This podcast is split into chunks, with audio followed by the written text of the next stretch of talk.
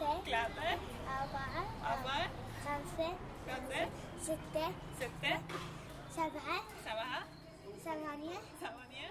Det sa Altså. Jeg står sammen med en ni år gammel gutt fra Irak på et fortau i sentrum av den greske hovedstaden Aten, og vi prøver å lære hverandre å telle til ti på arabisk og engelsk. Can you count to ten? One, two, three. Yeah. In English?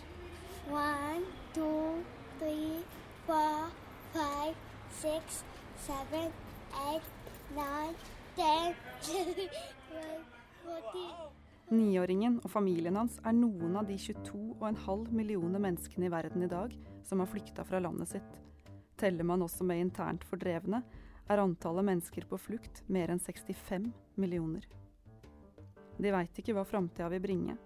Titusenvis av flyktninger og asylsøkere som dem er nå stranda i Hellas etter at europeiske land begynte å stenge grensene og inngå avtaler som hindrer folk på flukt i å reise videre mot Europa. Jeg heter Lene Christensen, og til vanlig så jobber jeg ved Amnestys kontor i Oslo. Men i denne episoden av Megafonen så får du bli med meg og Amnesty på etterforskningsreise til Aten. Ladies and gentlemen, good afternoon.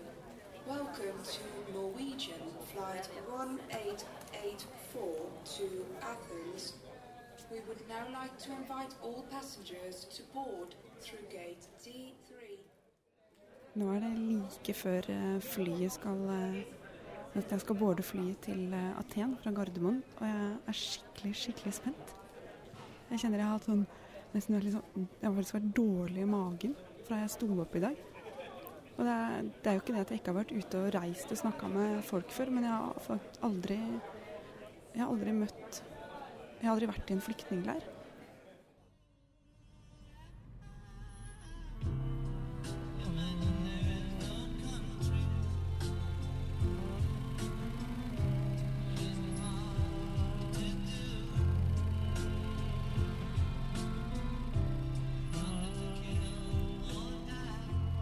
Taxisjåføren fra flyplassen nynner til 'Imagine' med John Lennon. Tenk om folk bare kunne få leve livet sitt i fred.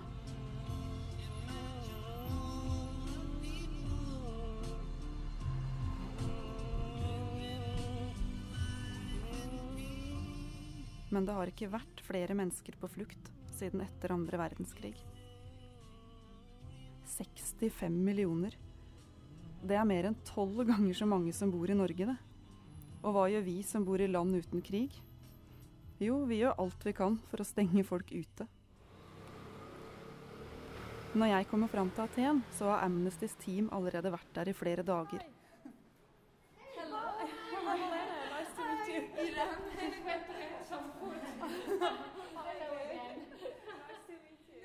Jeg møter etterforsker Iram Arf og kampanjearbeider Monica Costa Riba om kvelden utenfor leiligheten de leier. Iram og Monica har besøkt mange flyktningleirer i Hellas det siste året for å dokumentere hva slags forhold flyktningene lever under.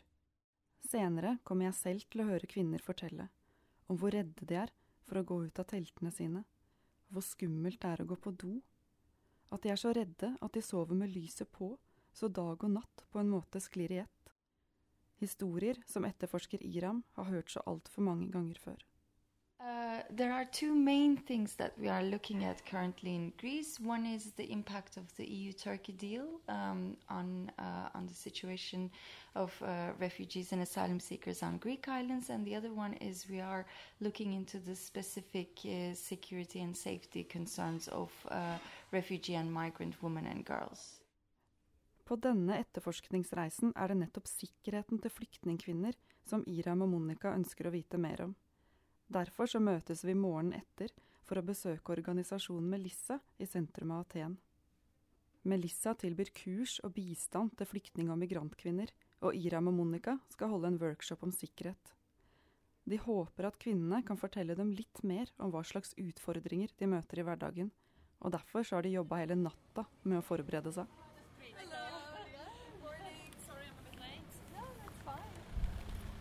How are you? Did you sleep well? It was really noisy outside. But, uh, at least I was, I was not working, I was just lying in my bed. So what about you guys? Well, we went to bed very late. We woke up very early. And because of stress, I don't think either one of us really slept. Yes. Vi setter oss i en av de mange gule taxiene ved Sintagma-plassen. På veien til Melissa så lurer taxisjåføren på hvor vi er fra. different places. I'm from Spain I'm from Turkey. and Norway. Hi, this is Lena. Hi, Lena. Nice, to meet you. We were in different places, but Dette er den greske antropologen Nadina. I 2015, da flyktningsituasjonen i verden eskalerte, var hun med på å starte Melissa, som er et nettverk av kvinnelige flyktninger og migranter. Melissas lokaler ligger i sentrum av Aten og sprer seg over to hyggelige etasjer. På veggene er det kunst og fargerike tepper, og terrassen i annen etasje er fylt med grønne planter, og fuglene kvitrer. Her kan kvinnene bl.a. lære språk og få psykososial støtte. Det er også mange kreative aktiviteter, som poesikurs, eller rett og slett litt spontan sang. سازنده دریاها روشنی خورشیدی زیبایی رویاها با تو امنیت دارم در کشمکش توفان من قایق پوسیده تو رهبر این سکان Okay, so uh, first I'll start with a name. Melissa means honeybee in Greek. So the whole uh, point was to use it as a metaphor for the migrant women who come to Greece from all over the world, bringing along their, you know, stories of suffering and separations and the difficulties they've been through, but also carrying along in their luggage ideas, skills, talents, and all the things that uh, they contribute to the weaving of the social fabric in this society. I et av sitter i underkant av 20 kvinner for delta i Amnestys workshop om. You know that your opinions are highly valued, and it's very important for us to have your uh, your ideas about everything because we believe that nobody can change uh, your lives better than you can uh, do it yourselves. Iram og Monica ber kvinnene fortelle om hva slags utfordringer de møter i hverdagen. And in particular, for instance, how difficult is for them to have access in a safe, safety way to toilets, to showers, if they are far away from the tent or the space where they live. Noen bor i flyktningleirer, andre har blitt installert i leiligheter i Aten. En av kvinnene forteller på vegne av flere av kvinnene i gruppa. Tolken oversetter fra farsi til engelsk. Flere av kvinnene har fargerike sjal, men historiene de forteller, er mørke. اولیه‌مو حتی بخوام I تهیه don't, uh, I کنم. don't, ha- uh, I don't have money even for simple things, for clothes, shoes, or something. یکی از خواهرامو میگه که بلا تکلیفی داره منو دیوونه میکنه I'm crazy because I don't know what can I do. بعضی وقتا فکر میکنم که خودکشی کنم Sometimes I want to kill myself. En ung kvinne med turkist sjal begynner å gråte. Hun sier hun ikke har sett moren sin på ett år og tre måneder.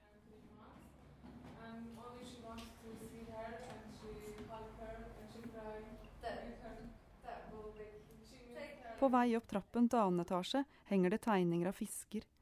Inni fiskene har kvinner og barn skrevet ned drømmene sine. En liten gutt vil reise til Tyskland og kjøpe alt som er der til familien sin.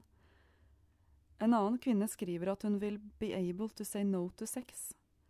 Tøffe historier er hverdagskost for Nadina.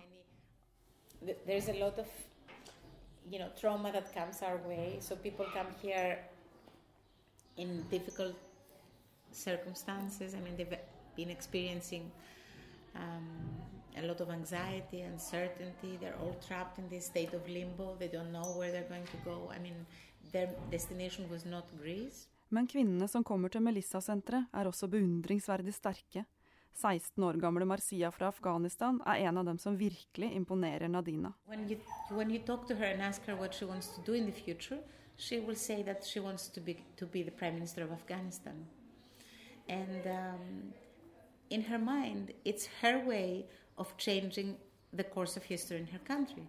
And if you ask her what she will do, you can you can ask her, you can talk to her. Actually, um, she's I mean she loves talking to people. Um, she will say that the first thing I will do is give rights uh, to women and access to education for everyone, because this is what is going to change my country. And then she will go on, and I'm always impressed by how her thought develops um, and says that um, even if I don't become the prime minister, even if I just become something much simpler, I will still fight and advocate for that because that's what's in the end going to change my country. And that's the little bit I can do. Could I go back? I would be back. I love my country. That's where I'm from. My heart cries if I'm away from it. Ask her, she speaks very beautifully. Yeah, I think we should. Uh, Yeah, I think we should yeah, yeah, yeah, yeah. I'll ask her to come join us.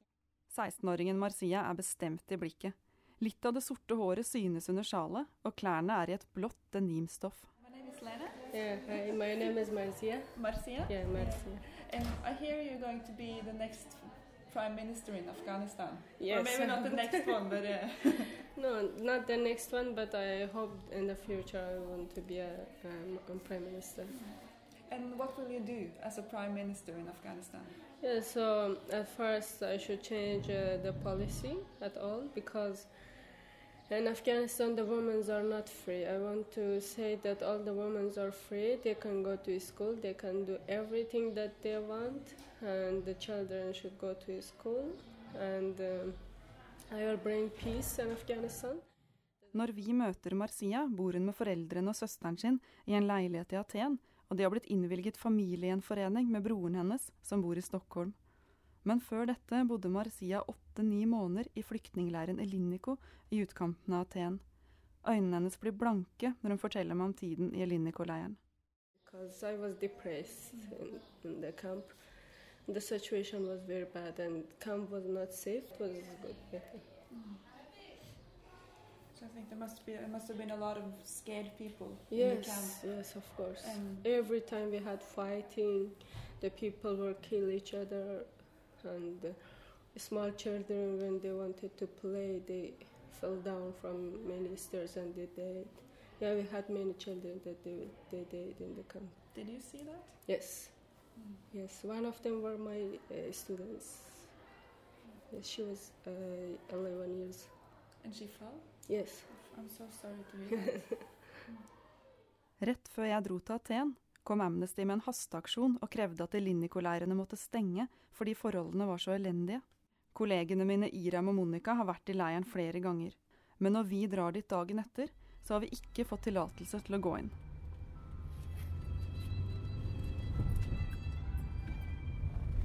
so this is it. This is it. Okay. I mean, Yes, they are inside. you. know, well, the people that are in the balcony. we have a ticket? So inside is where they live. There are Mm. all the tents. Oh, okay. So, and the other ones are like a 10, 15 minute walk the other side. Mm. So you them.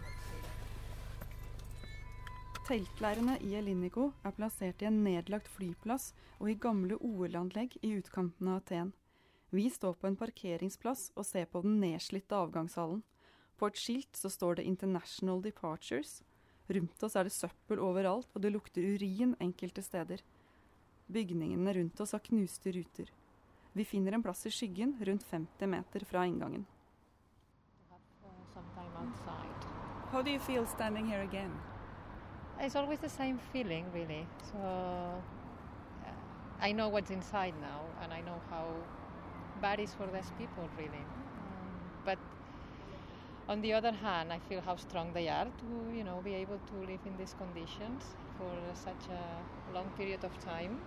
Det går rykter om at leiren skal stenge, men ingen av de vi snakker med vet hva som skal skje med dem, og de er ganske redde. Uh, this gentleman just was explaining that they will move everyone out, most likely next week. When I ask where, he says he doesn't know. He doesn't know.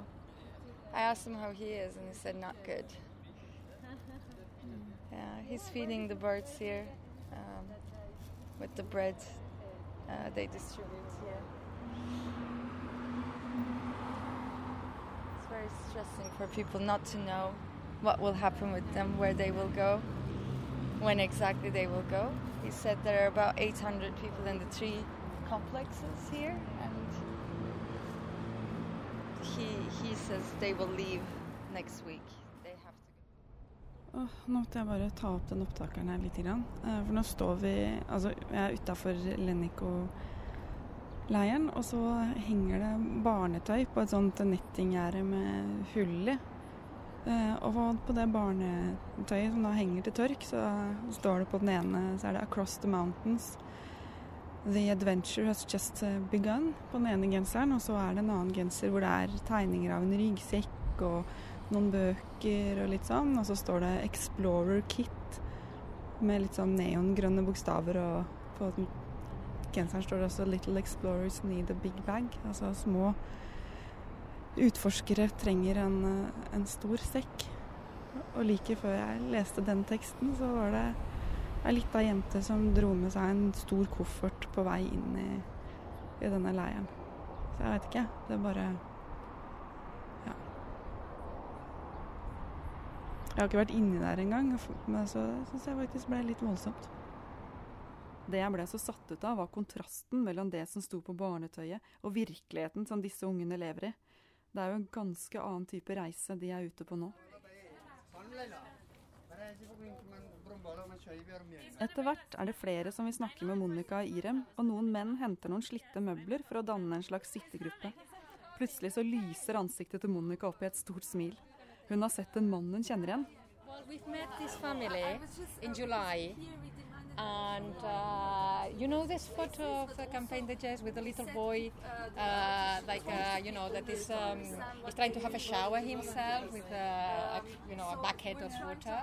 Is uh, is his father, and we met the whole family, and they they were uh, having a tent outside in July. It was very, very hot. They were really nice. They offered us uh, tea. We spent a lot of time with them. They were very kind. They explained everything about, you know, the situation. And his wife uh, was um, pregnant, heavily pregnant. So I'd like to know what happened. And my understanding is that they had actually left the camp because we were trying to contact everyone. They gave us permit for the photos and everything, but I wanted to send a copy of the campaign digest, and uh, I couldn't find them.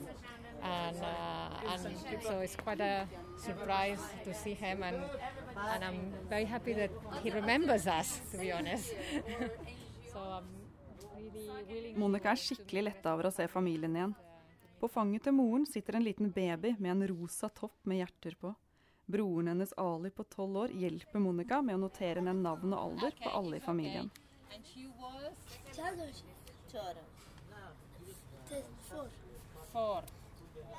Okay. Is it okay if we talk to you now? Because we need uh, Leila's help. Yeah, but your English is very good. It's very good. I'm impressed. Yeah, I think you've learned a lot since last time I met you. Yeah. okay. I taxien på vei tilbake til sentrum er Iram glad de fikk sjansen til å snakke med så mange. Men hun syns det er helt uakseptabelt at de er satt i denne situasjonen. At de ikke veit hvor de blir plassert når leiren stenger. Blir det en leilighet i Aten? Eller en flyktningleir langt unna? But these are all guesses. We are not told any uh, clear information. We wrote to the authorities uh, more than a month ago now, clearly asking all these issues, and we didn't get any response. So we don't know.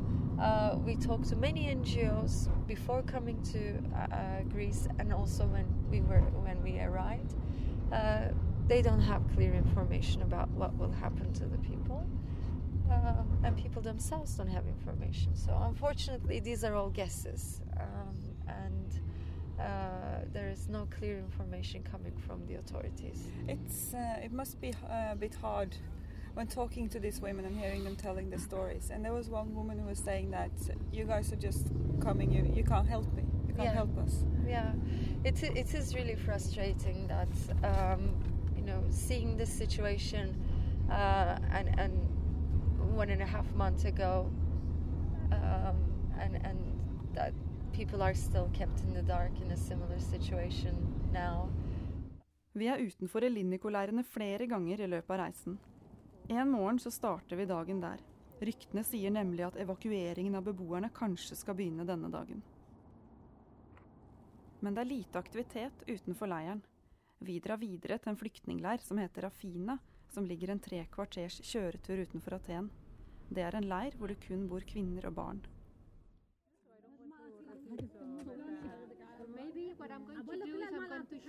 Her bor familiene i små boliger. Ei lita jente tar meg med til hennes midlertidige hjem, som består av tre rom. I det lille rommet, som fungerer som kjøkken og lagringsrom, er det store, svarte muggflekker i taket. Sorry,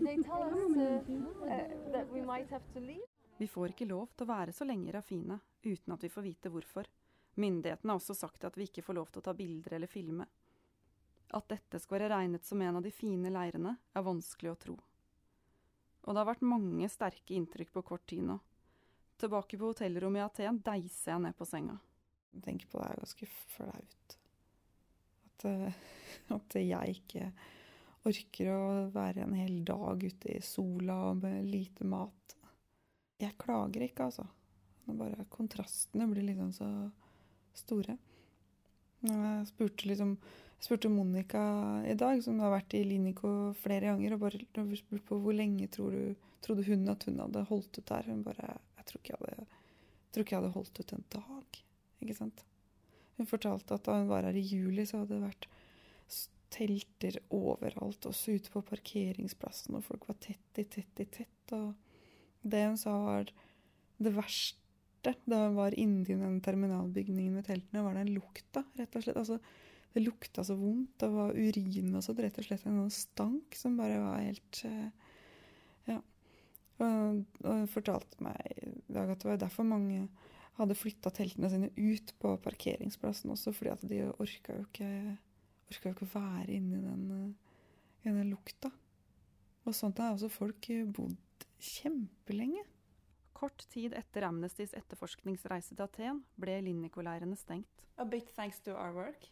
Uh, uh, we hope that our work have contributed to this. Uh, we have been um, uh, in, in touch with the Greek authorities on our um, concerns and on our demands regarding the, these camps and uh, the, the, need for um, uh, giving information to the residents and consulting them about their housing needs. Um, and um, and also we started an urgent action which was supported by uh, many activists and members um, uh, from all over the world um, uh, and many countries in, in Europe as well, uh, which which we hope was one of the um, uh, contributing factors to to the process the government has started in the camps. Uh, which involves talking to the residents about their specific circumstances. Det jeg lurer på nå, er hvordan det går med menneskene som bodde der, etter at de har flytta til andre leirer eller leiligheter. Hva slags framtid er det egentlig de har? Jeg husker noe tolken vår Leila fortalte meg, at det ble stadig vanskeligere for henne å vite hva hun skulle si til folk. I feel like I have nothing to offer them. I'm like a broken record. I'm telling them the same thing again be strong, be patient, have courage, give it some time. Things will get better. Hopefully, they'll find a place for you to live. If they've done family reunification, if they've applied for it, I say be patient. Hopefully, it will happen. And the ones who are applying for asylum in Greece, I don't know what to tell them. Nadina ved Melissa-senteret syns også det er hjerteskjærende hvordan folk på flukt blir møtt når de kommer til Europa. The, the inhumanity of it all. I mean, people are coming to Europe because of the principles that they feel we share, and we are sending them away, forgetting those principles altogether. So. Jeg har hatt tårer i øyekroken gjennom hele reisen. Og på flyplassen, på vei hjem, så renner det rett og slett litt over. Fy søren, altså. Å, fy søren, for et liv. For et liv de har hatt. For et liv de har Oi, så aner hva som skal skje med dem. Det som gjør så vondt, er å tenke på alle traumene mange av flyktningene har opplevd i livet sitt, og hva slags uviss framtid de går i møte. Men heldigvis var det også lyspunkter under reisen. Kvinnene som nekter å gi opp. 16 år gamle Marcia som vil bli statsminister i Afghanistan. Det er også godt å tenke på alle de varme hjertene som banker for folk på flukt som Nadina ved Melissa-senteret i Aten. Noe av det fineste hun vet, er å være med på poesikurs og sangstunder med de modige kvinnene. To see the, these young women sitting around the table, writing and reciting their own poetry and expressing their wishes for their future, you know, their, their desires to make a life, to get an education, to, to really get a sense of control over their own life. It's a wonderful moment, but what it reminds you is that this journey is not taken as a tourist journey. It's taken because there are no life prospects for them there.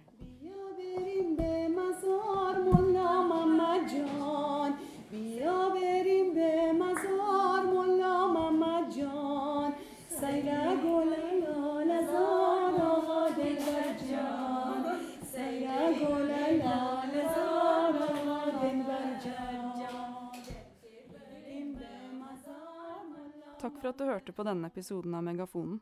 Gå gjerne inn på amnesty.no skråstrek ta bindestrek ansvar for å lese mer om situasjonen for mennesker på flukt. Der kan du også finne ut hvordan du kan engasjere deg.